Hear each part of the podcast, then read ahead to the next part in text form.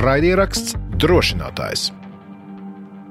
Olha, please uh, tell me about yourself and your family. Where exactly in Ukraine did you live uh, before this uh, full-scale invasion began? Ми жили з родиною в Україні. Це я, мій чоловік і наші двоє дітей. На момент початку війни доньки було 10 років і сину 17. В Києві ми жили 6 років. До цього мешкали в Дніпрі і. Приїхали, бо у чоловіка там була робота. Do you have still friends and relatives uh, who still live uh, in Ukraine? Not mentioning your your husband, but uh, other relatives or friends that you are uh, still um, calling or texting? Так, звісно, в мене дуже багато і родичів і друзів, які знаходяться в Україні, і тому, власне, в моєму телефоні е, є сповіщення про тривоги і в Києві, і в Дніпрі, де найбільше близьких для мене людей. Біля Дніпра живуть мої батьки а також більша частина моїх ем, друзів. Ну а в Києві зараз знаходиться мій чоловік і моя донька. Тому, звісно, я не можу почуватися тут спокійно, хоча я знаходжуся в безпеці. So you left uh, the Kiev, but uh, how about um, friends and relatives? Why they are still uh, staying there, or there are some friends who are also left Ukraine, maybe also to Germany or some other countries? Ну, більшість моїх знайомих, я думаю, що лишається в Україні. Частина, звісно, поїхала. Але от саме тут, де, наприклад, я живу, то мої знайомі є недалеко від е, Мюнхена, де я зараз мешкаю. А також мої друзі є в Данії, в Польщі. Періодично ми можемо бачитися тут. Це, в принципі, дає якусь підтримку також. І, звісно, при будь-якій нагоді я намагаюся їхати в Україну, щоб побачити тих, хто не може приїхати до мене сюди. Ну, Таких людей, звісно, багато, які не виїздять з різних причин. І, чесно кажучи, я теж сумніваюся, що я поїхала, якби ми не виїхали тоді з дітьми.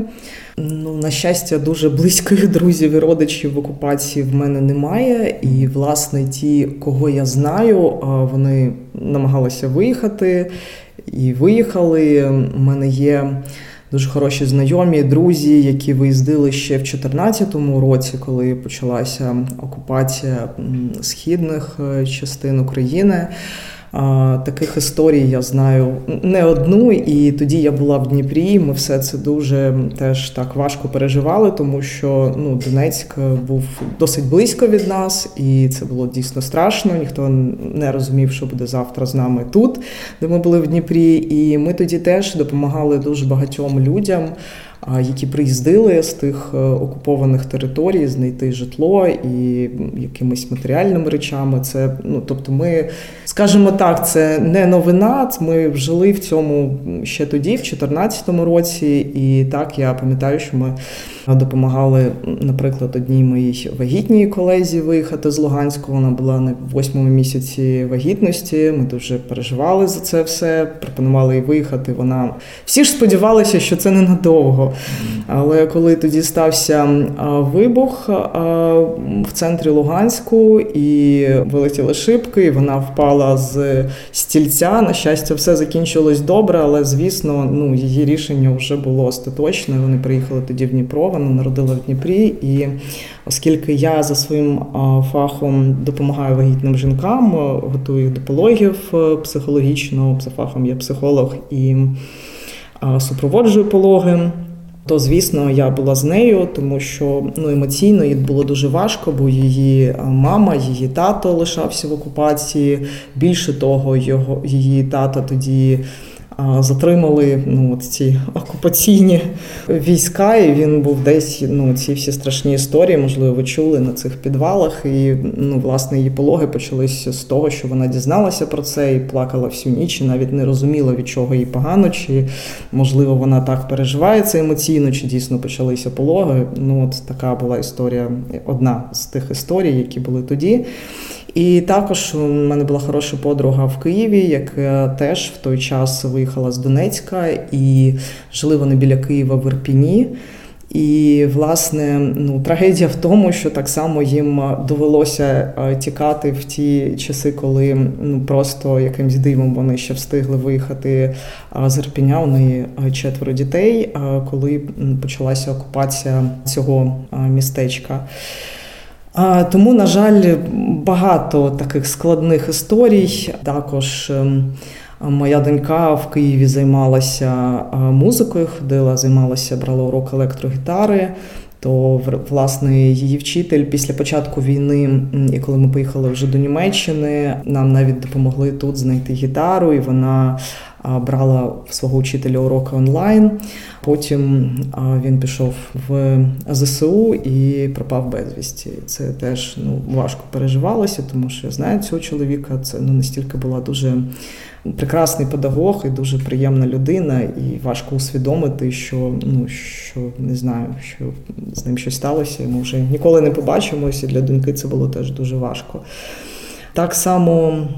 В мене був колега ще, коли я колись давно працювала на радіо, але у нас був дуже ну, чудовий колектив, хоча ми вже давно не працюємо разом.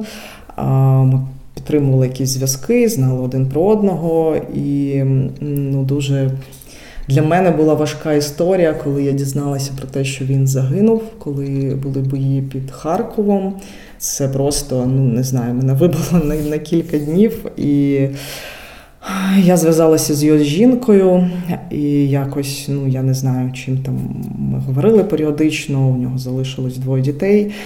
Це дуже дуже важкі історії. І щоб зараз не відбувалось, де б ти не був, е, навіть в безпеці, навіть ну, начебто в такій спокійній, якомусь спокійному, спокійному оточенні, але все рівно якась частина тебе вона знаходиться весь час в якійсь цій скорботі і тривозі. And if I understood earlier, you said that uh, you were a psychologist. What you did in in Ukraine, and uh, and do you still do it somehow here? За фахом я психолог. Я закінчила університет за цією спеціальністю, але ну от як я вже сказала, так складалися обставини, що спочатку я працювала на радіо. Сім років, і власне те, що мене якби повернуло назад до теми психології, хоча мені завжди ця тема була цікава. Це був дуже такий мій свідомий вибір піти туди вчитися. Це народження моєї першої дитини, мого сина. Для мене Ну, Це було багато хвилювань, тому що з радянських часів е, ну, від наших мам ми зазвичай не чуємо якихось позитивних історій.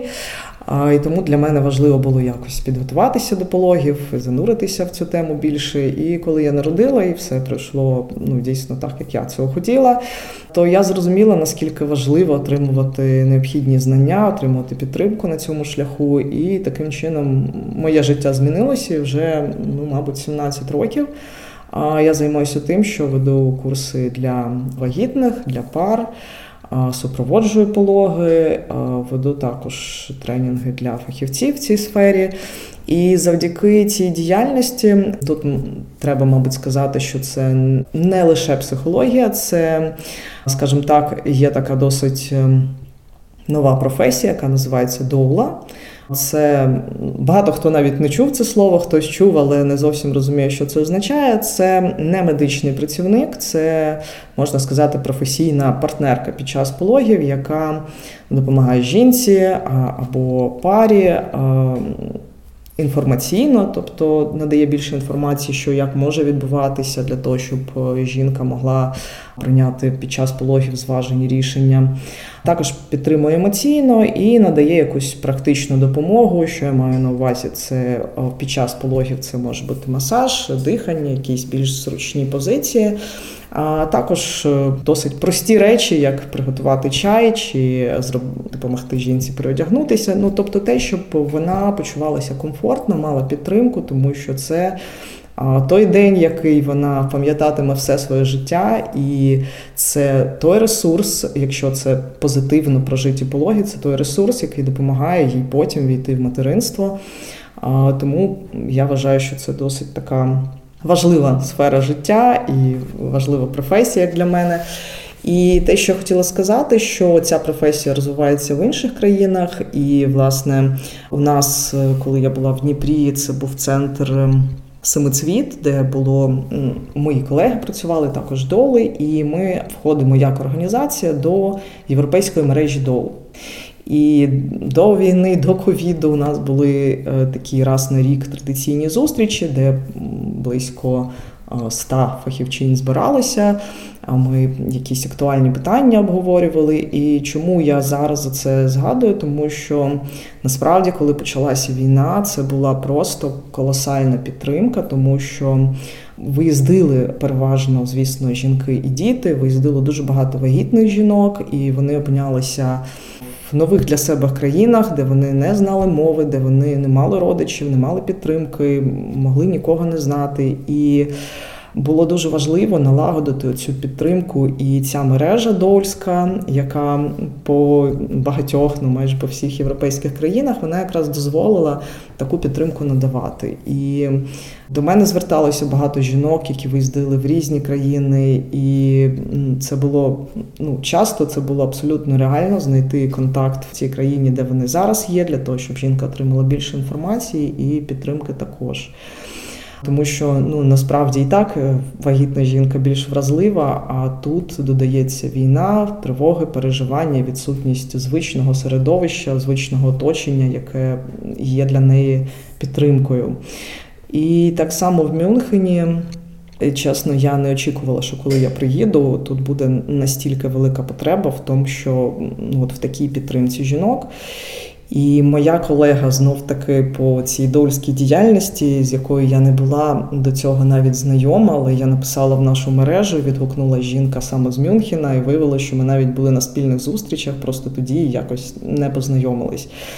І, власне, я звернулася, бо була потрібна підтримка одній з вагітних жінок. Потім ця жінка не змогла приїхати в силу своїх е, інших причин. Але ми зустрілися з цією долею, познайомилися, і вона мені розповіла, що в Мюнхені навіть є програма, яка підтримує от таку дольську підтримку, скажімо, забезпечує таку дольську підтримку для жінок-біженок. І, власне, українські жінки якраз під цю програму підпадають. І е, я почала співпрацювати з цією програмою. Іноді до мене звертали жінки, і ми туди йшли разом. Або з цією програмою Мені телефонували і казали, от в цьому там таборі для біженців або в цьому готелі, де живуть біженці, є жінки, які зараз е, потребують такої допомоги. Що я маю на увазі? Це навіть просто сходити до лікаря, бо не всі знають ну не те, що скажімо, німецьку мову, а й англійську також. На щастя, тут лікарі спілкуються англійською мовою, і на перших порах я допомагала з перекладом цим жінкам. А Також іноді розумієте, жінки приїздили в різному стані. Я пам'ятаю один з перших таких візитів до лікаря, коли я мені дали адресу, де ця жінка мешкає в готелі, де був цілий поверх виділений для українських біженців.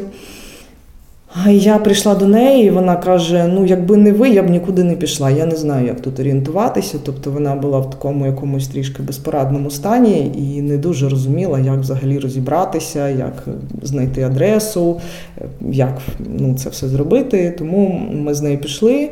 Туди, і по дорозі вона ще розповідала, як вона їхала до Мюнхена. що Це було дуже важкий шлях, дуже довго. Що десь вона впала в автобусі, тому що вона там стояла, і вона хвилюється за свою дитину. Тому, звісно, було добре прийти до лікаря, щоб все перевірили, і вона була спокійна, що з дитиною все добре.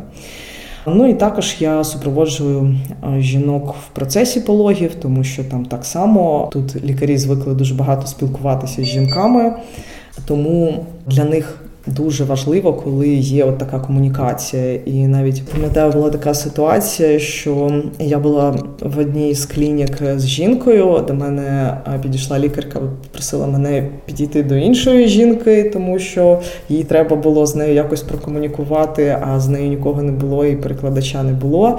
І так само ці дві жінки потім ну вони народили в один день, і вони виписувались в один день. То так само і на виписки, те, що розказував там лікар неонатолог, стоматолог, то я для однієї жінки все переклала, потім для іншої все переклала. Ну, такий от цікавий досвід. І звісно, що так само я ну, стикаюсь з дуже різними історіями жінок. Хтось саме і виїздив з окупованих територій, таких як Херсон, наприклад.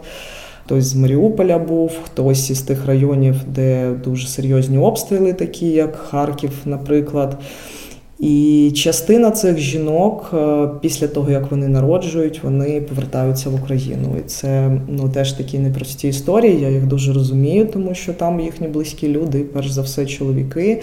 Але звісно, ну це дуже тривожно. Наприклад, так само я супроводжувала жінку, яка з Сум, і це прям кордон біля ну, біля е, Росії. І але так це відбувається. Тому, власне, що я ще роблю, де я допомагаю із налагодженням грудного вигодовування, тому що я розумію, наскільки це важливо в умовах війни, де всього може не бути і суміші, і води чистої, і ще чогось. Тому це просто ну, питання такого виживання іноді. Ну, от, мабуть, те, що я хотіла про це розповісти. And, and you told me that you live uh, here now uh, alone, uh, your uh, husband in, in Ukraine, your daughter as well, and your son here in Germany, but not in this city. Maybe you can tell uh, how did this happen. Firstly, why what did your husband do, and, and uh, why he's in Kiev now and, and, not here? Not here. Yeah. Ну, чоловіки то взагалі не можуть зараз виїздити з України, але ну власне, що стосується мого чоловіка, для нього це і не був, як то кажуть, вибір. Це в будь-якому разі для нього не стояло так питання, чи він е, виїздить, чи ні. Він однозначно залишався, і це було ну зрозуміло. Як я сказала, я б теж, мабуть, не виїздила. Але ну можливо варто трішки повернутися назад для до перших днів, як взагалі ця вся ситуація склалася. Оскільки ми були в Києві, і це був було одне з перших міст, е, які, на які тоді прийшовся ракетний удар то, звісно, було багато питань, що з цим робити. Тим більше, що вже в перший день ми читали новини про висадку десанту в Гостомелі. Це прям дуже близько від Києва, і абсолютно незрозуміла була ситуація, що буде найближчими днями. І моя донька вона дуже емоційно реагувала на всі ці події. Вона сказала, що це взагалі найгірший день в її житті. І вона сказала, що вона в будь-якому разі не залишиться тут ночувати, що ми маємо піти або в паркінг він під землею, або в найближчу станцію метро. А тому це теж ну, змусило якось думати, що як ми тут можемо існувати далі. І один з варіантів, звісно, був е, їхати з Києва, тому що здавалося, що якісь інші міста зараз більш безпечні, принаймні куди не прийшлися ці перші удари. І, власне, ну, весь цей день він такий був складний. Дуже багато теж людей дзвонило, писало. Зокрема, моя литовська колега теж мені позвонила. Вона мені писала ще за п'ять днів до війни, питала, як ми взагалі, бо кажуть, що буде війна. Ну, чесно кажучи, це ну, звісно, це не те, чого ти чекаєш, але ну так складалися обставини, що в цій якійсь напрузі, в тривозі ми жили вже останні тижні точно. І враження було, що ну от все це просто ну, не хотілося в це вірити, але враження було, що ця напруга зростає, і не можна було якось ігнорувати багато якихось таких е, ознак цього. І враження було, що це відчуття війни, воно вже просто повисло в повітрі. Його прям можна помацати руками, настільки це було все явно. Я пам'ятаю, що за десь днів за п'ять до війни ми зустрічались з колегами в центрі, якраз обговорювали наш новий проєкт. І мене вразило, що Майдан Незалежності був досить пустий. Зазвичай там набагато більше людей. Було дуже багато іноземних журналістів. Прямо от е, по периметру майдану стояло кілька груп, вони робили прямі включення. Ну і це не виглядало як якась нормальна ситуація. А так само. Напередодні незадовго, може, десь там за пару тижнів до цього у нас були батьківські збори. Вони тоді приходили онлайн, бо тоді ж ще якби був ковід, якісь карантинні були заходи. І я пам'ятаю, що на батьківських зборах теж постало це питання: а що буде, якщо почнеться війна, коли діти будуть в школі? І та відповідь, ну, яку почули всі батьки, що бомбосховище в школі є, але воно дуже маленьке, туди підуть тільки найменші діти, перші класи. А діти постарше вони підуть вчителями в найближчу станцію метро. От все, що нам було сказано з цього приводу, і чесно кажучи, я не знаю, чого я десь там чекала, але ну це теж трохи шокувало, тому що я ну я не знала, що це може бути, але знаєте, мозок завжди малює якісь такі страшні картини, що весь масив буде бігти до цього метро, і що там ці діти, і не знаю, що з ними буде, де вони там будуть. А, Тому це було, ну я пам'ятаю, яка тиша повисла на цих батьківських зборах, коли от, ну, всі батьки, мабуть, це усвідомлювали таку ситуацію. А, В один з днів я запропонувала своїй доньці, ми не дуже далеко живемо від школи, але це десь дві станції метро. А я їй запропонувала після школи, я зайшла за нею, кажу, давай ми пройдемось е, пішки додому, тому що ну раптом щось станеться, не буде ходити транспорт, ну ще щось буде, щоб ти знала, як прийти додому. І ми з дітьми так договорилися, домовилися, що син був на першому курсі тоді, але у нього було онлайн навчання на той момент. Але якби він також був не вдома, ми домовилися, що щоб не сталося, якщо ми не можемо там зідзвонитися, якщо немає зв'язку чи ще щось, ми будемо в будь-якому разі зустрічатися вдома. І я провела дитину, показала їй дорогу. І от всі ці речі, ну плюс, да, ми закупали якісь е, а, речі на той випадок, якщо е, треба там зробити запаси питної води, запаси якоїсь їжі. Також ми думали, якщо ми будемо їхати, можливо, нам там треба, не знаю, якісь е, спальні мішки, каремати чи ще щось. Купа якихось речей, плюс зібрані валізи, вони в принципі були вже ну, переважно з документами, з якимись речами, які м, точно ми мали б з собою взяти. Плюс е, у наших дітей були такі папірці в кишенях про те, які є контакти, кому ще вони можуть позвонити, е, якщо вони не зможуть зв'язатися з нами. Тобто, от в цьому ми якби жили. Я пам'ятаю, що останні три дні, ну не знаю, це було вже настільки емоційно важко, що ми домовилися, що донька поки не ходить в школу. Тобто, у мене залишилося фото, де вона останній раз прийшла тоді перед війною школи. Я її сфотографувала, бо я не знала, коли вона наступного разу піде в школу. Ну, це було таке передчуття. І насправді так і сталося. Ну, пройшло буквально три дні, і почалася війна. І все рівно, коли тепер вертаючись так до того дня. А насправді ще ще за кілька днів, от в цій всій ситуації, моя донька вона така дуже емоційна, чутлива, і вона каже: Мама, чому ми нікуди не їдемо? Вона мені прям запитувала, тому що були навіть діти в класі, які вже кудись поїхали. Ну, були люди, які виїздили просто на хвилю цього уже такого тривожного стану. І я не знала, що їй відповісти. Ну, І ясно, я її якось заспокоювала, і хоча в мене теж наверталися сльози, я їй цього не показувала. І, А всередині себе думала, чи дійсно я достатньо роблю, щоб захистити своїх дітей, я, я не знаю.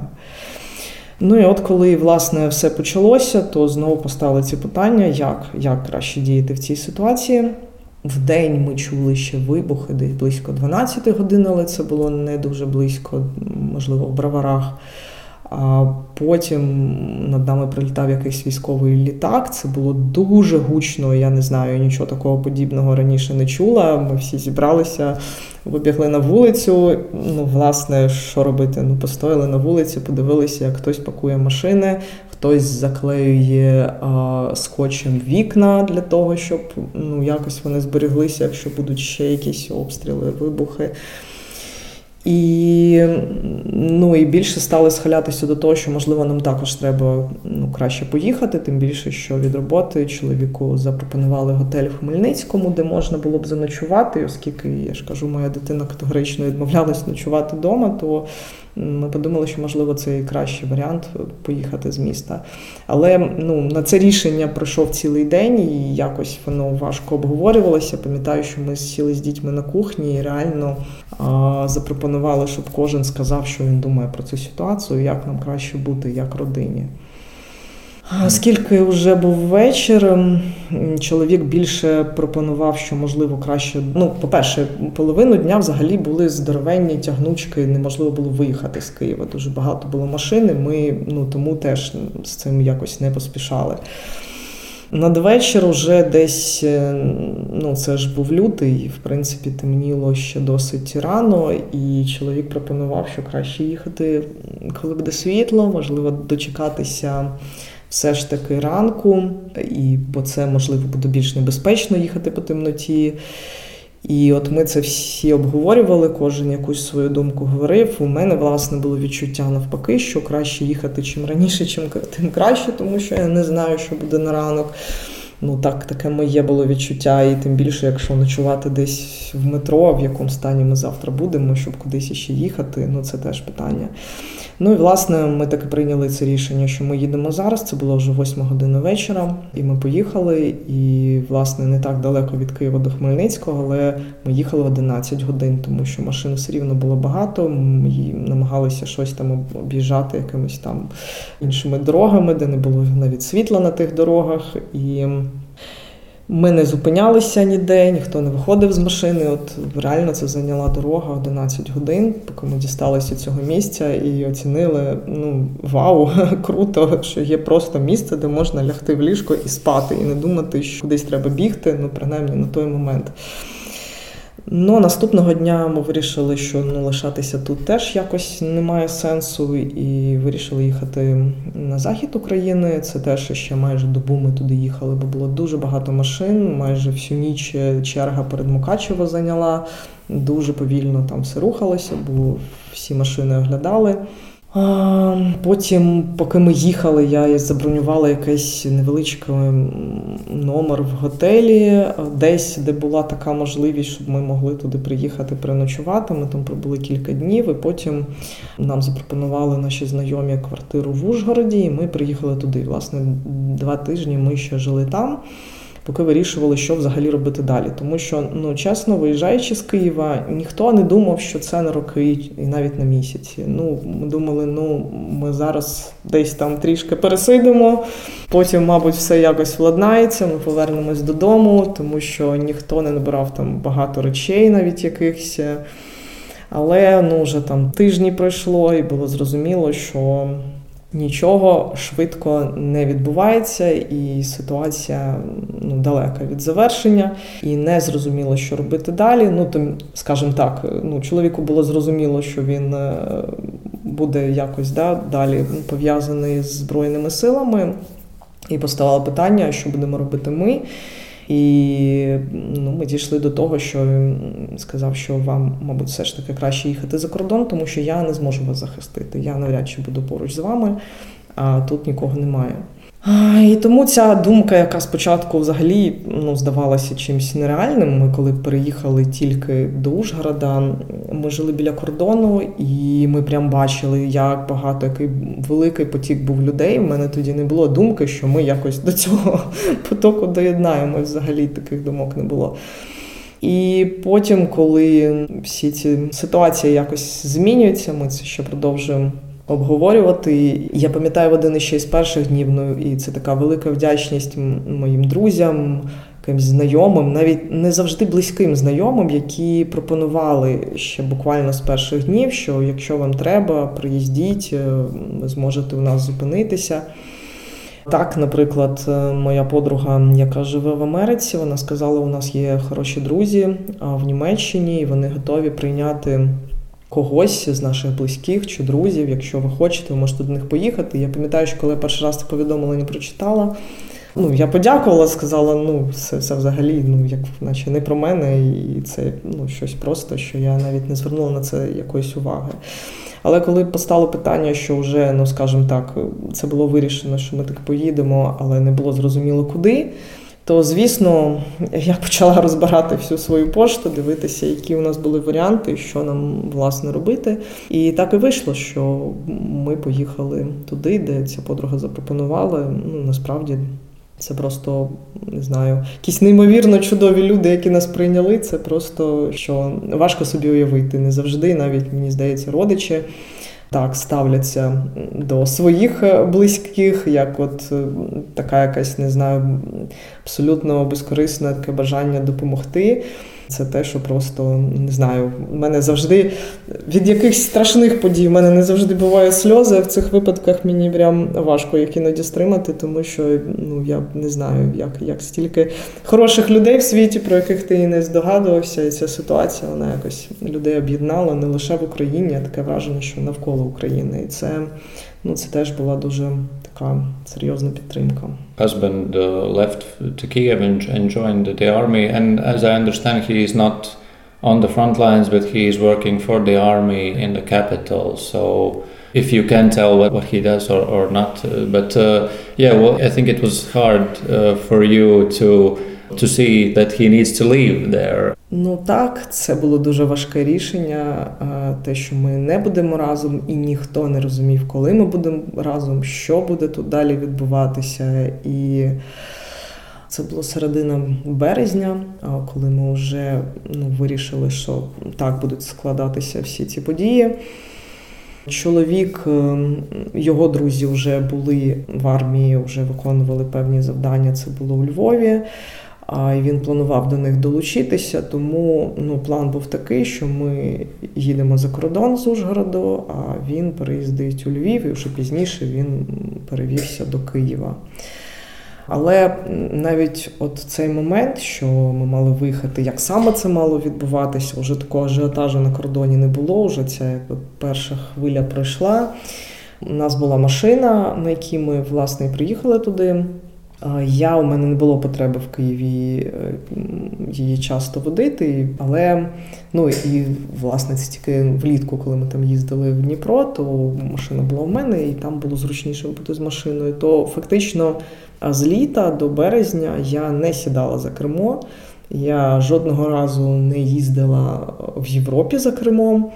І ну, це все якось видавалося ну, такою якоюсь, не знаю, великою авантюрою, як це все буде.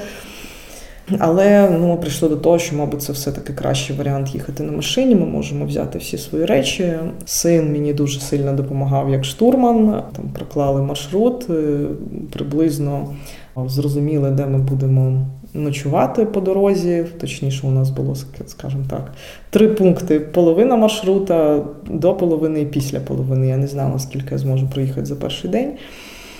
Але ну, ми доїхали до тієї найбільш дальньої точки, яку намічали, це 650 кілометрів, тому що я не була готова вночі їхати, і ми там заночували. І в принципі, ну, все пройшло добре. На кордоні теж ми його добре пройшли. І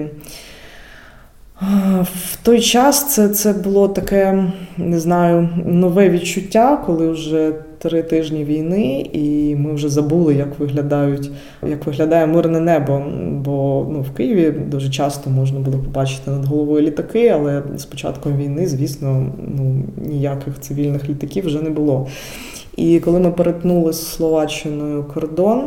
То це те перше, що вразило, це це небо з такими смугами від літаків. І моя донька, я пам'ятаю, вона поки ми їхали, вона дивилась весь час на це небо, рахувала ці літаки, і це було ну, як якась ознака якогось, не знаю, мирного життя. Ну, власне, все було нормально. Я пам'ятаю, що потім на кордоні з Євросоюзом там були, по-моєму, це була Австрія. І поліцейські, не знаю, хто вони були. А вони ну там взагалі як платні дороги починаються, і там така черга вишколилась з машин. То е, ці офіцери, вони машини з українськими номерами вони показували жестом, щоб вони виїздили в бік. Е, і перед нами так машина спочатку виїхала, потім вони показали нам. Ну насправді дуже легко було зрозуміти, яка машина з України, бо це були дуже брудні машини, тому що вони вже проїхали дуже великий шлях. Ну, Він спитав, куди ми їдемо, і сказав, що ми просто приїздили. І я пам'ятаю знов таки цей момент, що так, це ну, якась підтримка, ти не маєш стояти в черзі, платити і таке інше. Але ну, я від'їхала, і вони просто теж потекли сльози, тому що ну, ти розумієш, наскільки все погано ну, якщо так це все відбувається, то ти розумієш, що ну, це не добре.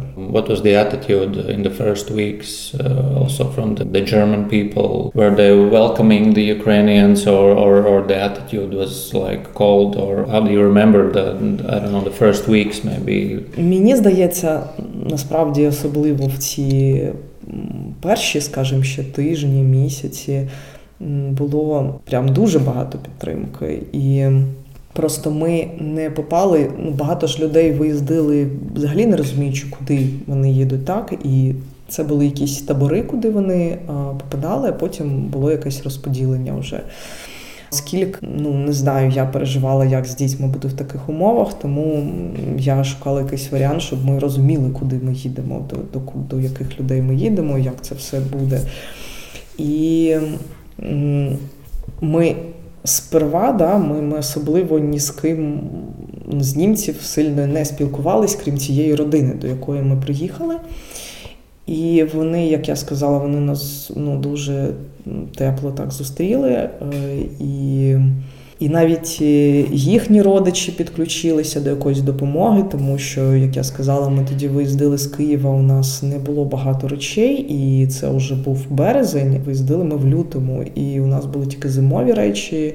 Власне, у моєї доньки навіть ну це були чоботи, да, у неї не було навіть якихось там більш легких красівок.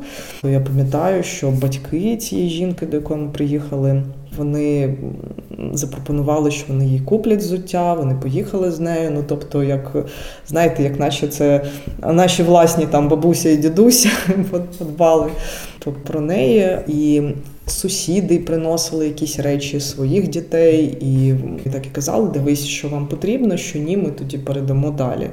І потім друзі цих людей, до яких ми приїхали. Ну, власне, у них було двоє своїх дітей. Вони нам звільнили одну дитячу кімнату, де я була з донькою, і було ще таке напівпідвальне приміщення, але мій син був щасливий бути там, якби трішки да, окремо. Його там все теж більш ніж влаштувало. І це було перший тиждень, і вони дуже багато нам допомогли з різними питаннями оформлення, тому що всі знають, що Німеччина досить бюрократична країна, і не знаючи мови, навіть знаючи, це не завжди просто, тому що навіть німці вони самі ще в якихось питаннях розбиралися, тому що ну вони з цим не стикаються, звісно, це така якась нова тема. Але вони ну, дуже багато допомогли в тому, щоб е, ми якось е, адаптувалися в цих нових умовах і. Їхні друзі запропонували нам потім окреме житло. Це навіть так трішки. Несподівано сталося, бо якось ну швидко, до того, щоб ну теж було зрозуміло, да там в якісь три тижні ми ночували там Хмельницьке, Берегово, Ужгород, ем, біля Віддані, і от приїхали на нове місце. Тобто це вже п'ять різних. І коли ти думаєш, да, це класна новина, що є якесь окреме житло, ну тобі знов кудись треба переїхати. І Це так трішки вже ну, було такий свій стан. І я пам'ятаю, що ну, хоча це ну, це супер, це дуже класно. Е, і ця е, жінка вона каже: Оля, у нас є оця новина, коли вона про цю казала окреме житло. Каже: тільки не хвилюйся, це хороша новина. Ми вас е, не виганяємо, все нормально. Ну, ви тут можете побути скільки треба, просто знаю, що є така можливість, ви можете жити окремо. Ну, звісно, ми приїхали і. Жили тут, я жила втрьох з дітьми, і я ну насправді я дуже вдячна Німеччині, тому що ну, мабуть, це одна з таких країн, в яких перших з'явилися якісь чіткі, чітке розуміння, як тут взагалі що буде з біженцями, як вони тут живуть, яку підтримку вони отримують, які в них є тут можливості. Це було ну зрозуміло, і в цьому був е, плюс. І Е, ну і також, от просто від е, простих людей, не знаю, може мені так везло, але ну я бачила дуже багато хороших людей навколо себе. Навіть іноді це там не знаю, на зупинки ми стояли з донькою, говорили. Якась бабуся до нас заговорила і теж казала, ну якби поспівчувала, що таке в Україні, що Путін це реальний фашизм, і як взагалі таке це можливо. Тобто люди ну, дуже якось так відгукувались. Потім, коли я почала допомагати біженцям от з цими питаннями, про які я говорила, там із перекладом, і з супроводом вагітних жінок.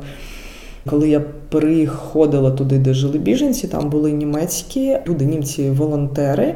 І так я познайомилася ще з двома жінками, з якими ми досі, хоча вже давно немає того е, якби проекту, але ми досі спілкуємося, і це теж ну просто прекрасні люди. Одна з них стала прям такою моєю подругою, хоча як це не дивно, да, ну, німці, українці, і іноді знайти друзів досить, досить складно. Але якось ну так у нас не знаю, ми дуже хорошо потоваришували. І вона теж розповідала, що крім того, що вона допомагала тут, її чоловік в перші тижні війни, коли сталося, в нього теж є знайомі, які займалися потребами тут, будучи в Німеччині, українці, які тут жили вже давно. Вони дізнавалися медичні потреби в клініках, шпиталях в Україні, і він займався тим, що він віз це обладнання до кордону. І коли це було ще перші дні, то тобто раз десь на два тижні він туди їздив, і в перші дні, коли було дуже багато біженців ще то він забирав від кордону людей і віз сюди, і теж е, допомагав їм якось тут е, влаштуватися. Тому, ну, власне, я правда була дуже приємно вражена тим рівнем підтримки просто від е, від людей, який відчувався. І якщо здавалося, що ну, поляки прийняли спочатку найбільшу кількість біженців, і це було можливо більш зрозуміло. Там мова ближча, якісь там самі народи там спільної історії якоїсь, але Ну, я була вражена тим, що я мало знала, що про німців якось так сталося, при тому, що ми з чоловіком часто кудись їздили, але ми не були в Німеччині.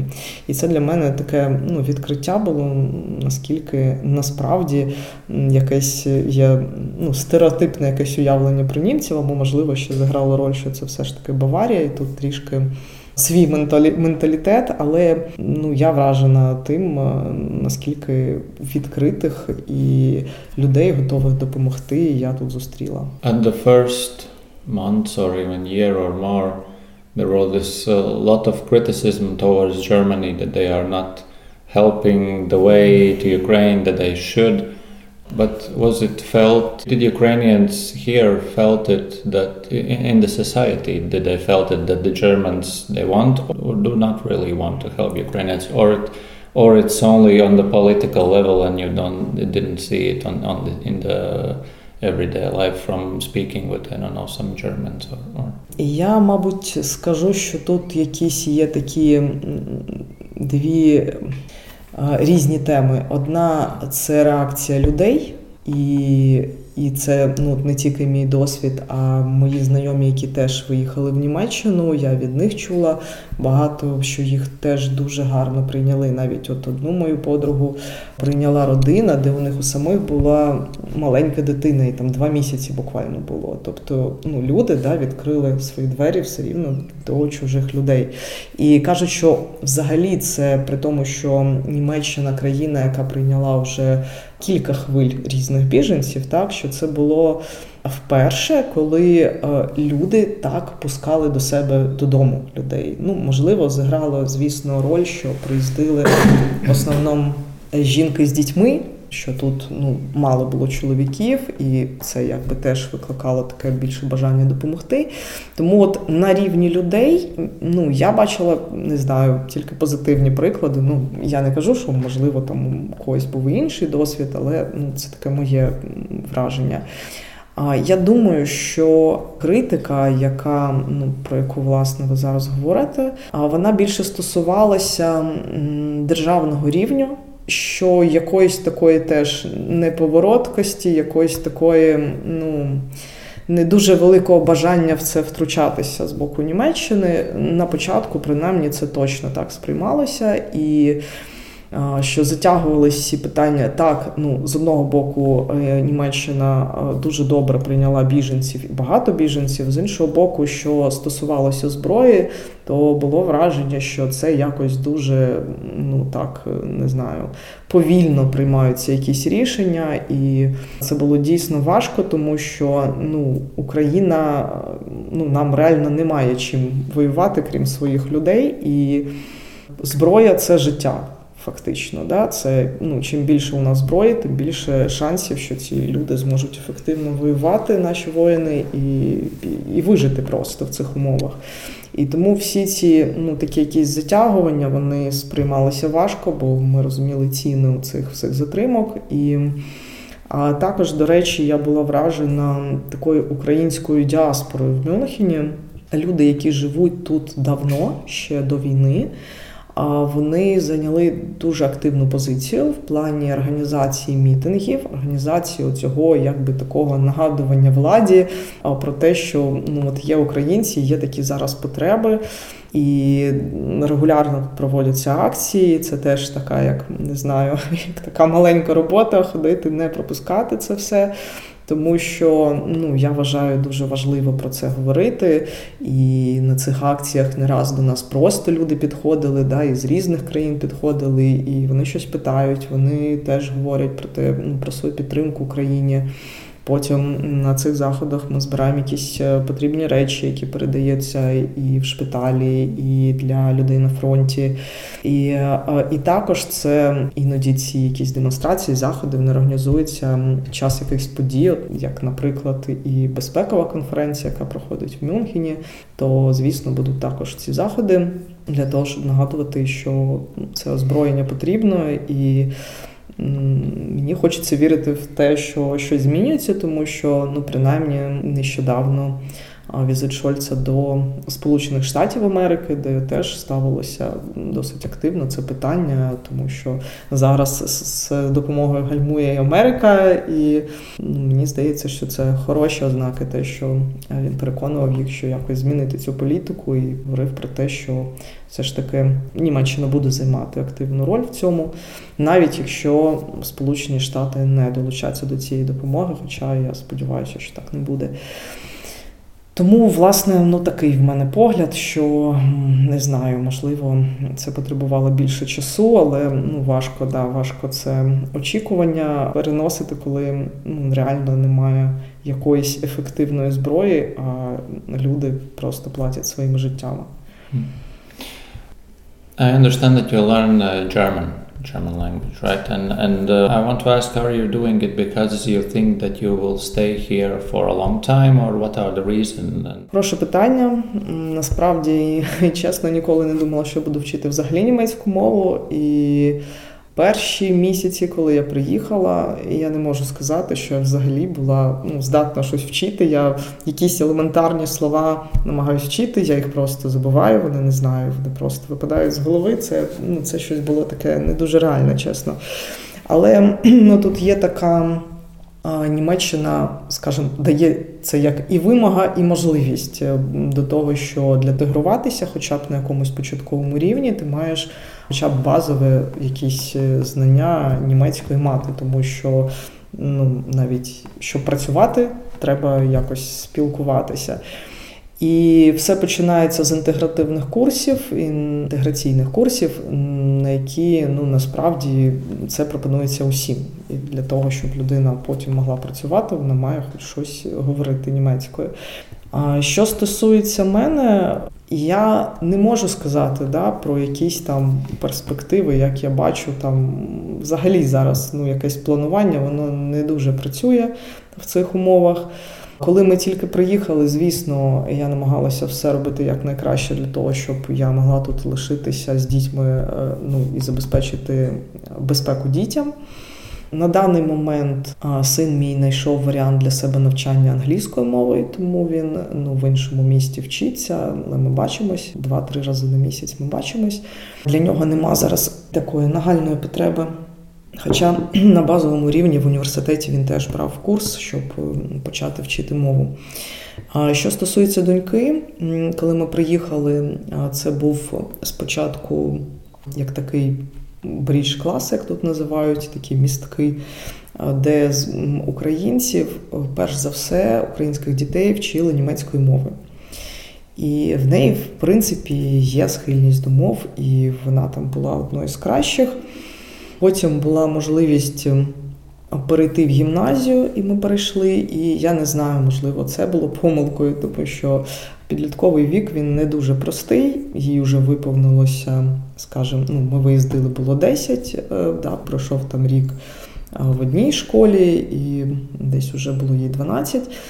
І коли вона прийшла в гімназію, там були лише німці в її класі. По-моєму, один хлопчик потім прийшов тільки український українець. І це була зовсім інша ситуація, і я прямо по ній бачила, наскільки їй це важко, і як вона закрилась, і вона не хотіла говорити німецькою там, вона говорила виключно англійською. Навіть ну знов таки, да, ти думаєш, що все, все максимально ти зробив для своєї дитини все, що міг, для того, щоб вона була в безпеці, але на жаль, питання стоїть не лише про фізичну безпеку, але й про психологічну також. І з огляду, мабуть, на її вік, на всі ці зміни, на те, що у нас така роз'єднана родина вийшла, що вона там не бачить тату перший раз, коли.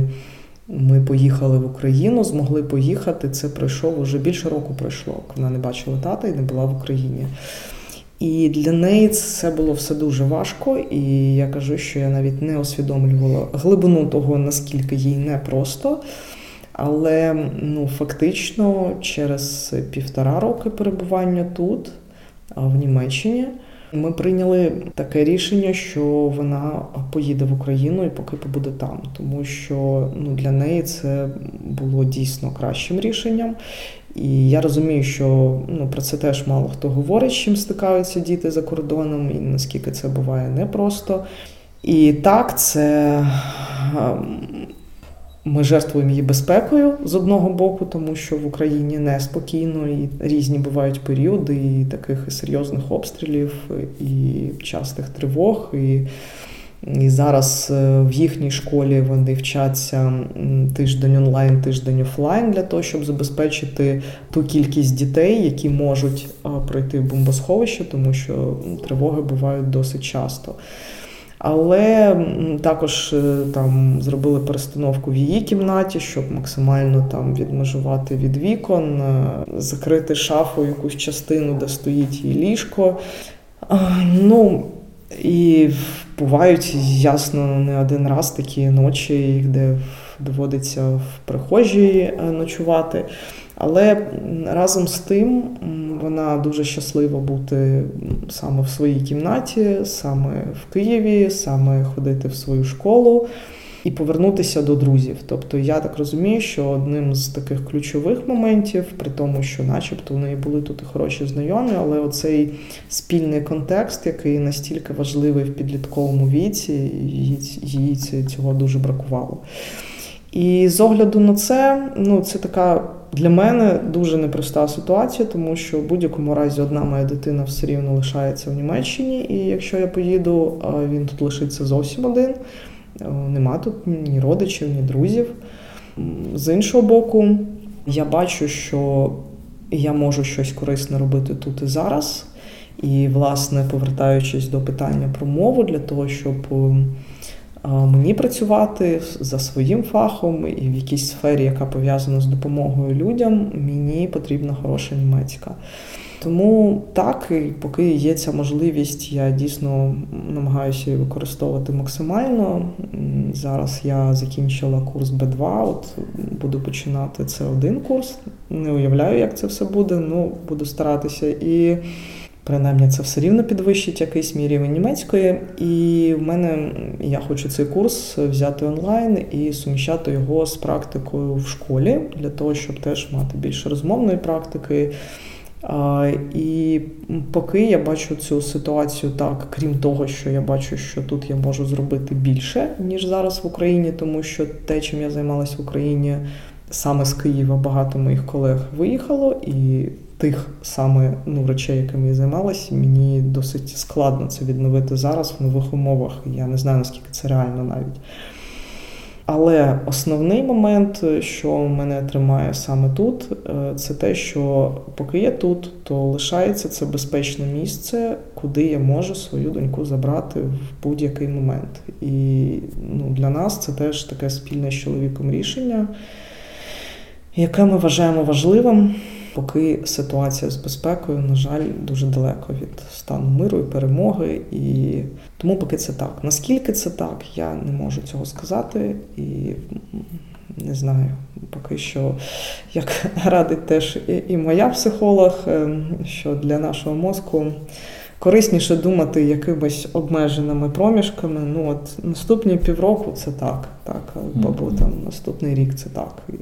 Що далі? Які будуть умови, які будуть е, потреби, яка буде необхідність? Я не можу про це сказати. And before the interview, we agreed that you will speak in Ukrainian because you don't want to speak in Russian, and then several other people with whom we spoke to also did not want to speak in Russian.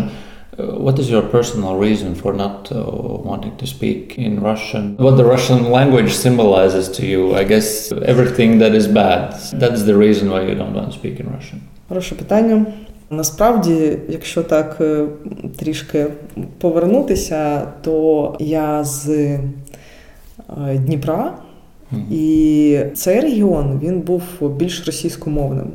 І ну не знаю, як зараз. Я в Дніпрі, от останній рік, два да, з початку війни я не була, на жаль. Ну, В моїй родині, з моєю мамою, з моїм татом ми завжди спілкувалися українською. Просто у нас навіть в Дніпрі не було українських шкіл на той момент, як я вчилась. Ну, можливо, одна якась була на іншому кінці міста, це було просто нереально. Тому моє середовище воно було російськомовне. Коли ти так живеш, то ти якби ну, теж звикаєш е, спілкуватися російською. Хоча ну, для мене було б цінно ясно да, мати простір, де можна говорити українською не лише вдома. Моя мама вона працювала спочатку там на КБ Південне, таке з ракетобудуванням пов'язане. Потім вона прийшла викладати в університет, і з тих пір, як вона прийшла викладати в університет, вона принципово скрізь говорила українською. І це був певний виклик навіть, тому що ну, люди російськомовне середовище. Да? Люди так якби звикли. Часто можна було таке щось ну, почути, зневажливе, типа говоріть нормально, щось в такому там дусі. Коли ми переїхали в Київ, е, то ну, навіть так, коли це був 14-й рік стався. Е, я пам'ятаю, що всі там, де я там щось писала в соціальних мережах, ще це було тепер суто українською. Я вже не поверталась до російської в цьому просторі, принаймні. коли ми приїхали в Київ, було дуже легко перейти якось на українську, ну скажімо, теж в такому більше україномовних людей. Але в нашій родині е, ну, ми спілкувалися російською, так це було.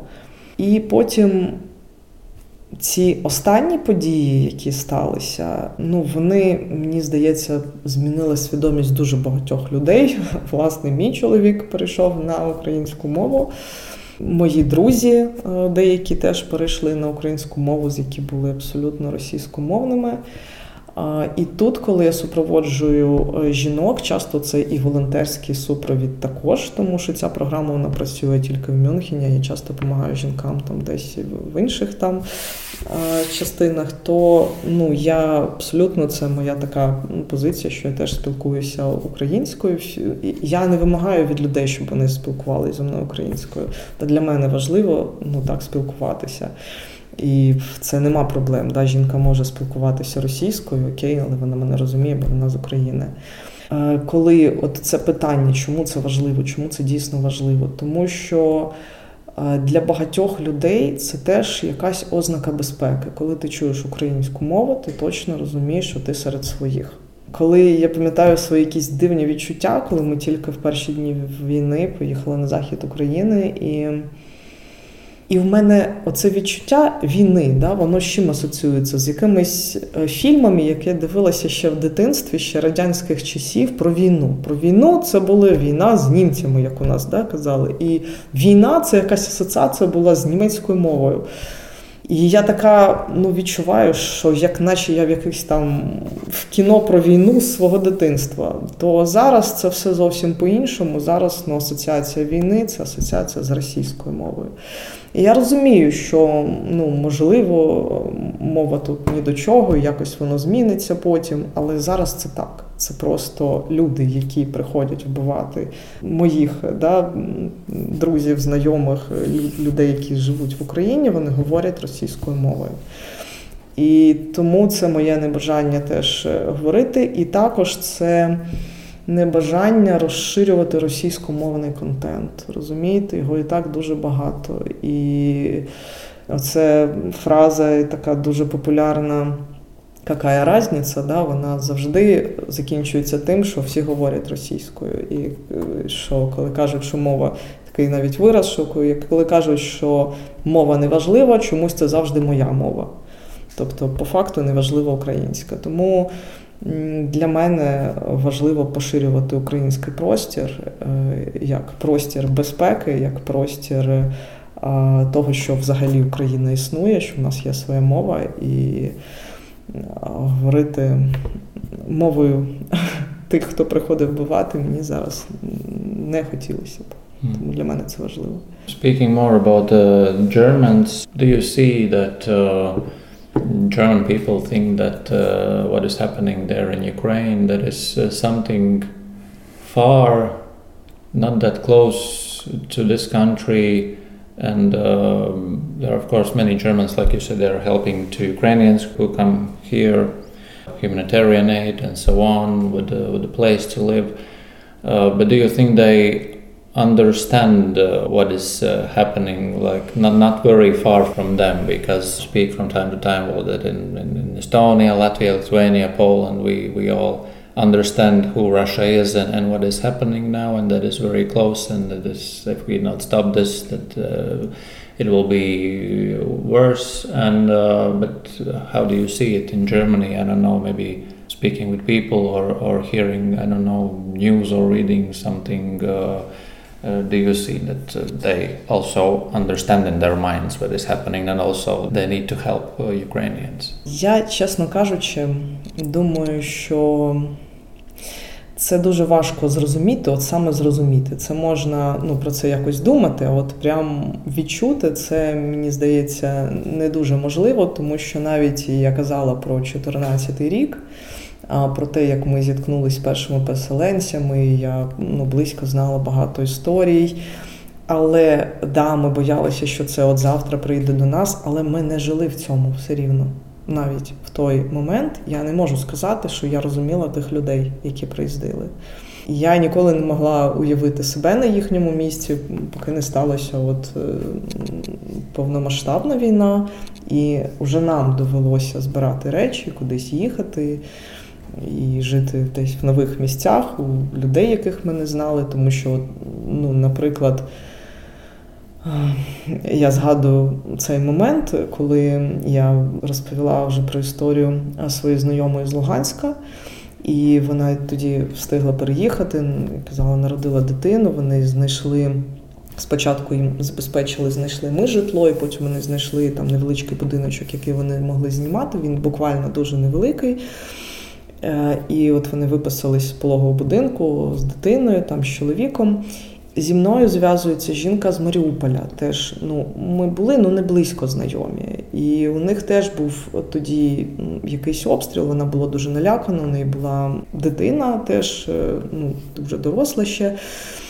І вона терміново шукала варіанти, куди вона може поїхати. І я ну не знаю, в мене не було якихось ідей, що можна тут придумати.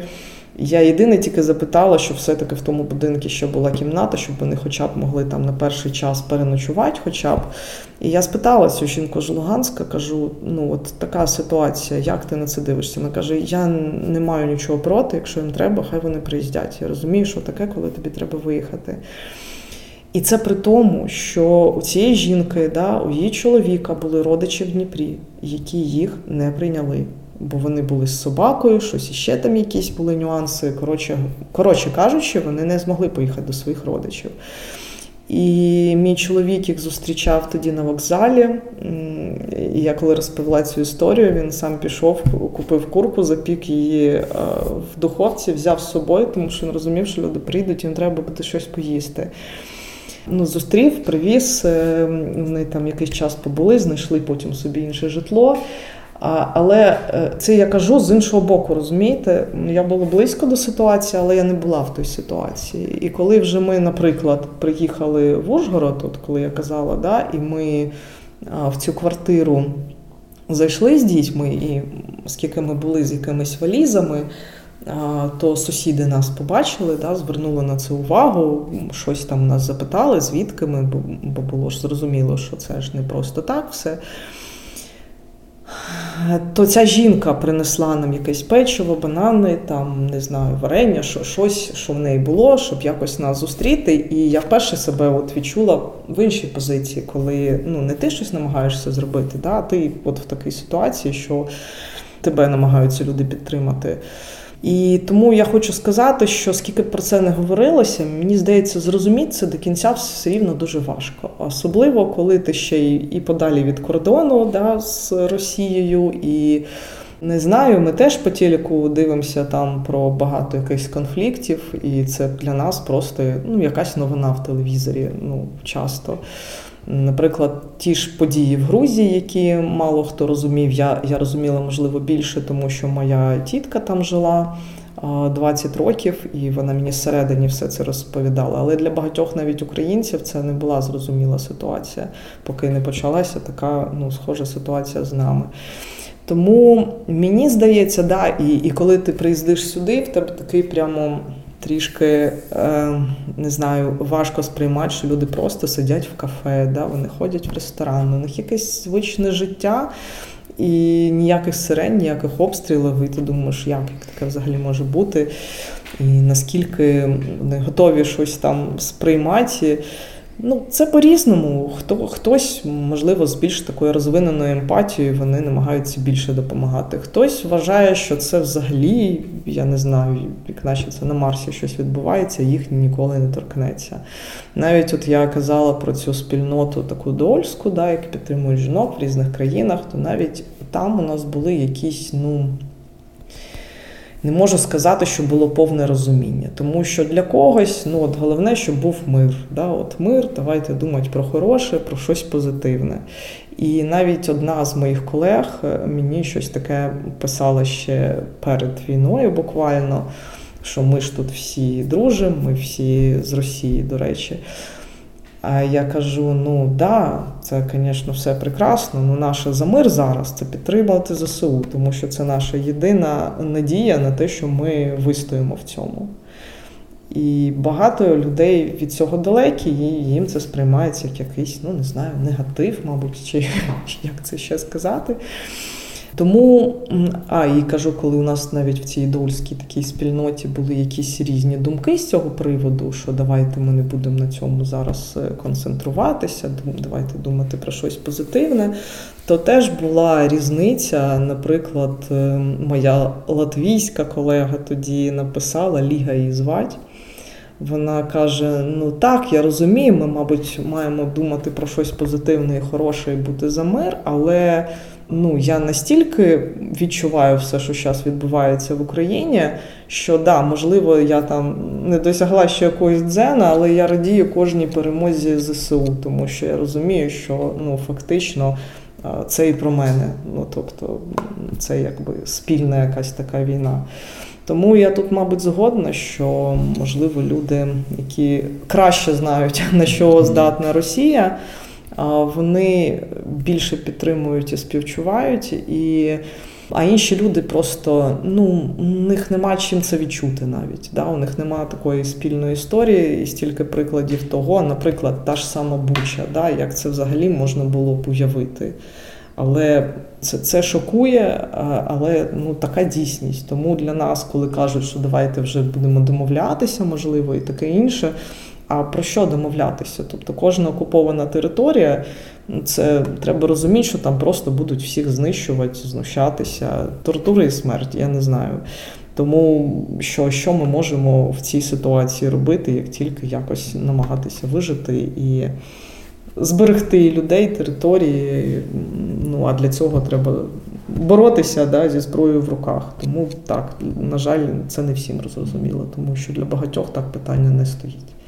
І вони думають, що з ними це ніколи не станеться, що це неможливо. And, and the one thing is that uh, people in uh, different countries or, or people of different nationalities think different about the war, mm, how they see war. I don't know, people in uh, someone in Germany sees war different, like someone in, in, Latvia, for example, or someone in Ukraine who lives actually there sees differently this war. Maybe, well, there are different kinds of people, as you as you mentioned, but uh, there are those uh, families, uh, Ukrainian families, who got separated because of the war and not because someone is like yourself here here in Munich and your husband is in Kiev, but because uh, I don't know, husband is for Ukraine and the wife, for example, is for Russia, and they got uh, separated because their view of this war and view of, of, what is happening right now is completely different, and they can't uh, live anymore together after the war. It's the same about um, I don't know someone's parents who lives still in the occupation it's many years now since the 2014, and I guess those people are now thinking differently, like uh, before the occupation. So it's the thing about also separating Ukrainian families. I guess have you heard about this, and and uh, maybe you have some I don't know friends or or also who got separated because of of their view is completely different of what is happening in Ukraine, and, and, and it's not possible to live or, or to call even uh, to, to someone because of that. Ну, якщо говорити про те, що а дійсно у багатьох українців були якісь родичі, не знаю, друзі в Росії, то те, що я бачу, це така загальна тенденція. Мені здається, дуже мало цих зв'язків якось вціліло. Дуже багато подальше спілкування воно просто неможливо, тому що люди, які живуть там, вони абсолютно живуть в якомусь своєму світі, і вони не готові сприймати те, що тут це якісь одиниці. Мені здається, це якісь більше виключення. Ем, у мене є двоюрідна сестра, яка живе в Москві. Вона переїхала ще задовго до всіх цих подій, але ну, я з нею не спілкуюся ще з 2014 року, після того, як тоді малазійський Боїнг тоді збили. І як вона мені почала розповідати, що в тому літаку вже летіли трупи, то я зрозуміла, що ну, далі нам говорити вже ні про що. Просто це людина абсолютно ну не знаю про що далі говорити.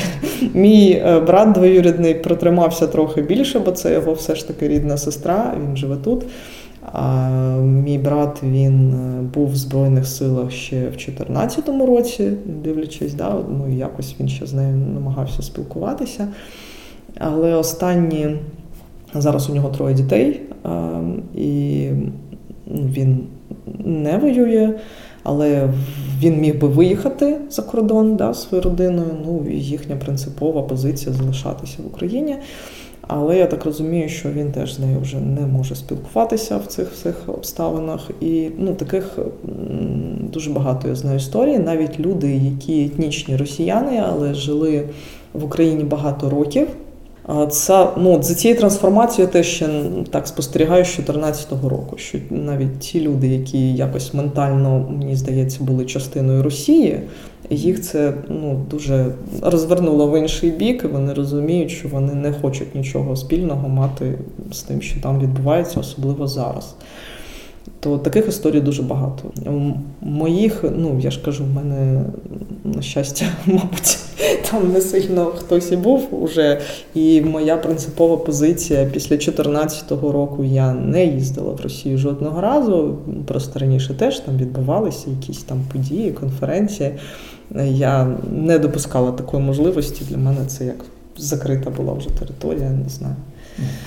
In um, many European countries or other countries, uh, there are not only Ukrainian women and children, but also men who either uh, got away from the army, they did it in, in, in, in, different ways or bribing or many kind of ways. And, and there are now these uh, talks about this mobilization, and, and there was this idea to mobilize also those men who are uh, now living uh, in the European countries.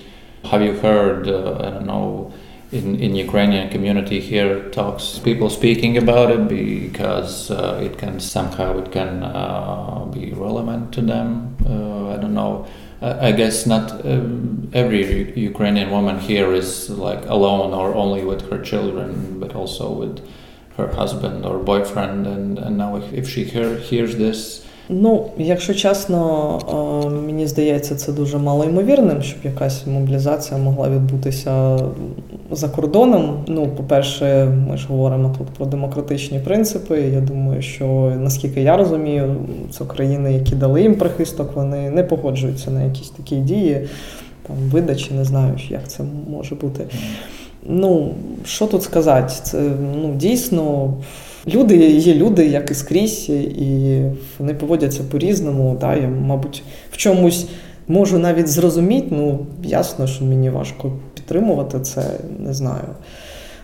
Так, я переживаю там за своїх дітей. Там, коли ми виїздили, да, мій 17-річний син він для мене все рівно дитина, хоча я знаю, що так і, воюють іноді в цьому віці. Ну да, мені як мамі цього б зовсім не хотілося. Але Е, ну, я дуже свідомо приймаю вибір мого чоловіка ну, захищати країну. І я не знаю, як могло б бути інакше, ну, принаймні в нашій родині. І в мене достатньо знайомих, які теж е, пішли цим шляхом. Ну, Для мене це нормальний хід, якась ну, повага. Мені важко коментувати інший бік, бо я не живу в тому іншому боці. У мене немає якихось близьких родичів чи когось, хто таким чином там виїхав, і можливо цією темою якось зараз цікавиться. And many Russians live here also in Germany. I think mostly in the northern part uh, and uh, eastern part of the country, but also here in, in Munich. Uh, several times when I came here also to the conference, I heard I don't know, of course, maybe they are Ukrainians who speak Russian, but I cannot uh, tell the difference. But we know that there are uh, Russians uh, living here.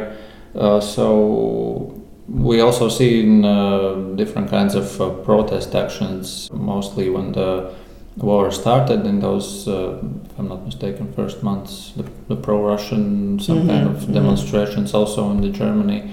What is your attitude towards uh, these people? Do you hear them or see them or meet them also in your daily life? And, and what is the attitude uh, from Ukrainians towards them and, and from them towards Ukrainians? Have you noticed something or some incidents as well, maybe? Ну, на щастя, я не бачу їх великої кількості, і це мене трішки тішить. Але ну так були навіть оці демонстрації. Одна з них була якраз. Е, зараз не згадаю, хто хто приїздив, чому це було такий знаковий захід. То там якраз була купка про проросійськи налаштованих ем, демонстрантів, їх було мало. Але ну не знаю, це щось було дуже дивне, тому що там, е, починаючи за лозунги, там якийсь мір во всьому мірі, закінчуючи серп і молот, тобто щось там про радянське, ну дуже дуже дивні якісь меседжі, що що нас насправді вони хочуть. Ну і я допускаю, що а частина якихось таких рухів, то я думаю, що вони напряму можуть підтримуватися самою Росією, як такий елемент дестабілізації. Ну або приїздять люди, ті, хто оброблені цією пропагандою. Тому навіть знаходячись в Німеччині, це дуже сумно. Люди все рівно не випадають з того інформаційного простору. І вони, ну навіть моя от подруга Німкеня, про яку я говорила, вона каже, що в неї є співробітниця, яка приїхала з Росії. І навіть ну, от з початком війни у неї всі оці, при тому, що вона каже, досить молода людина. Але ну, вона, як от путінська пропаганда, каже, ми раніше спілкувалися, я зараз не можу з нею спілкуватися. І не дивлячись на те, що людина живе вже багато років, вона ще до війни приїхала в європейській е, демократичній країні. Я не знаю, вони якось примудряються в головах зберігати оцей совок і оці всі наративи путінської Росії і якось намагаються це робити тут. Ну, Для мене це все дуже дивно. Я сподіваюся, що цього буде менше. Ну, На щастя, я не дуже з цим стикаюсь. Навіть от так вийшло, що в моїх групах, де там я навіть мову вчу, там не було росіян. І це якось ну, для мене це це набагато безпечніша якась така територія виходить. Тому що Скажімо так, да, колеги в нас теж було, їх було багато. Але ну, я, ми якось з моєю колегою, подругою з України говорили, що ну, досить важко зараз спілкуватися, тому що коли людина знаходиться там, так чи інакше, вона все рівно для себе знаходить якісь компроміси, да, що не так може все однозначно, або ще щось. Ну, Мені не хочеться нікого. Це це перші, перші, мабуть, така була хвиля, що коли і в 2014 році, особливо коли 22-й, то всі намагалися достукатись, просто писати. Ну от люди, відкрити очі, ну так це відбувається. Але там така стіна нерозуміння, що мені здається, це не тільки в мене, це якась загальна тенденція, що всі вже. Не хочуть витрачати на це просто сили, просто не хочеться якби бути в спільному просторі і все. Тобто це якесь таке відмежування, тому що дуже мало надії, що когось можна там в чомусь переконати. А це значить, що навряд чи ми знайдемо якісь спільні точки да, в розумінні цих всіх питань, які відбуваються. It's, uh... I guess interesting or kind of funny, or I don't know, that there's those Russians who are supporting their country and, and, and what Russia is doing in Ukraine and believe that uh, the West is bad. They still go to Germany and other countries. They live there, they enjoy their life, do whatever they do, and still they they in their minds they somehow live in different kind of. Це це дуже дивно, дійсно, як вони самі не розуміють цього когнітивного дисонансу, але якось він у них уживається, що можна говорити, який поганий захід і, і його цінності, але при цьому жити чомусь в Німеччині, а не в Росії, де все так прекрасно. Не знаю. Це, Це важко зрозуміти мені особисто. So I guess this will be the last uh, question. Uh, what we are usually asking everyone at, at the end of our interviews, and what can we, our my colleagues, what can we wish to you?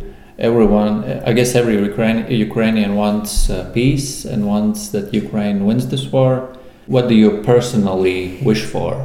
What can and what can we wish to you as in that way? Я навіть не знаю. Перш за все, ну дійсно мені хочеться перемоги для моєї країни, тому що для нас, е, ну я думаю, це зрозуміло, що це така е, екзистенційна, скажімо, катастрофа, криза, не знаю, в якій ми намагаємося вижити, тому що достатньо поглянути на карту, щоб е, співставити розміри Росії і України. І наскільки ну, це важко протистояти такій масштабній країні, де достатньо тих, хто буде воювати, тим більше, що там вже ця люмпенізація продовжується, і для багатьох це варіант заробити якісь гроші, це піти воювати. Це, Це дуже сумно. Але ну, об'єктивно там цих ресурсів ще багато. І людських, і а, грошей, і зброї, а, і всього. І ми розуміємо, що це війна, в принципі, на знищення України, що навіть якась е, не прям захоплення Києва, да, а якась довга виснажлива війна, вона теж буде досягати своїх цілей, тобто послаблювати Україну і ставити під питання взагалі можливість існування. Ну, звісно, те, про що я мрію, щоб ми могли жити вільно в Україні без цієї загрози у вигляді Росії, тому що будь-яке тимчасове припинення, ми розуміємо, що нічого не завершить, що буде ну, далі це все продовжуватися. Тому дуже б хотілося ну, в ідеалі, щоб е, дійсно така країна, да, яка живе оцими уявленнями про якесь захоплення, якихось територій, да, щоб це просто перестало існувати, тому що це дійсно схоже на якусь ракову пухлину, яка ми думали, що тут все йде до демократії, і люди можуть жити в мирі, цивілізовано вирішувати ці питання. І тут ми бачимо, не знаю, таку якусь. Середньовічну архаїку, яка просто готова все поглинути, тому що тут багато ресурсів, да, і плюс ядерна зброя, і це я розумію, що теж е, змушує інші країни якось е, побоюватися наслідків, що раптом там що ж там в голові у Путіна і що ще вони придумають. Тому в ідеалі так, ця держава має мабуть, розпастися і е, стати якимись більш демократичними якимись утвореннями. Ну так би мені хотілося, тому що тільки тоді, мені здається, буде якась впевненість, що цієї загрози для взагалі існування самого України її не буде. Тому що поки, на жаль, цих загроз багато, починаючи від прямих фізичних е, і закінчуючи такими от інформаційними загрозами теж, тому що дуже багато різних, е, як то кажуть, е, як вони називаються, психологічних, ну, психологічного тиску, да, якихось неправдивих речей, того, що Росія намагається весь час собі присвоїти якісь речі, які українські говорити, що це наше, ну тобто брехати весь час. Важко в цьому всьому жити, цьому протистояти. Тому так, мені б хотілося, щоб у нас було достатньо ресурсів і, можливо, достатньо розуміння у інших країн, які можуть нам допомогти. Тому що ну, це загроза не лише Україні, я впевнена, що це взагалі загроза якомусь демократичному устрою, в принципі, і думаю, в Європі також. Тому що якщо переможе тут Росія, то це перемога сили, це диктатури, і я взагалі не знаю, що буде далі. Так мені здається. Тому так, перемоги, миру і розпаду цієї надзагрози для України, і мені здається, і світу також. Thank you for the conversation. Дякую. Дякую за підтримку. Raidieraksts drošinātājs. Paldies, tā bija Olha Horbenko, ukrainiete no Minhenes, ar savu personīgo stāstu, kuru uzklausīja Rihards Plūme. Paldies jums abiem diviem. Katrā ziņā stāsts atkal jau kas liek domāt un iedomāties, kā tas ir būt viņu vietā, un skaidrs, ka jā, likteņi tiek ietekmēti uz neatgriešanos. Un, uh, Jā, nu, Olha pati arī atzina, ka viņa nezina, kas un kā notiks tālāk. Protams, ka viņa vēlas atgriezties Ukrajinā pie savas ģimenes, taču nu, jā, šobrīd viņa saprot, ka varbūt tā labākā vieta viņai šobrīd ir Mīnhena, kur viņa var būt noderīga. Un, ja nu nedod Dievs, eh, Ukrajinā notiek vēl daudz sliktāka situācija, izvērš daudz sliktāk, tad uh, vismaz uh, viņas meitai uh, būs kur pārcelties uzreiz un nebūs arī par to jādomā. Jā, saruna mums diezgan gara, pēc tam arī pie cepumiem, pie tējas apspriedām uh, vēl citas lietas. Un, un Olhai arī ļoti interesēja, kā mēs šeit Latvijā skatāmies uz visu to, gan kas notiek Ukrajinā, gan kā mēs te paši Latvijā izturamies gan pret uh, pašiem uh, ukrāņiem, kas pie mums šeit ir atbraukuši, gan arī kā mēs tagad raugāmies uz krievu valodu, krieviem un šo visu krievisko vidi. Nu, ko, ja jums šis šķita svarīgi, padalieties. Padalieties ar uh, saiti uz uh, drošinātāju. Atķeksējiet tās zvaigznītes vai vēl kaut ko, ne tāpēc, ka mēs būtu lieli zvaigznīšu krājēji, bet, uh, vai īkšķīšu krājēji, bet tāpēc, ka tas palīdz labāk izplatīt uh, tālāk uh, šo uh, raidierakstu. Šis bija drošinātājs 63. epizode. Tas, uh, laikam, ir arī viss, ko mēs gribējām pateikt. Uh, ja nu jums ir kas sakāms, tad rakstiet mums uz drošinātājs Latvijas Radio LV. Eh, rakstiet sociālajos tīklos, izmantojiet eh, mirkļu drošinātājus, tad mēs pamanīsim šīs ziņas. Un šajā nedēļā tas arī viss. Paldies, ka klausījāties un atcerieties! Drošinātājs skaidri un personīgi par karu Ukrajinā.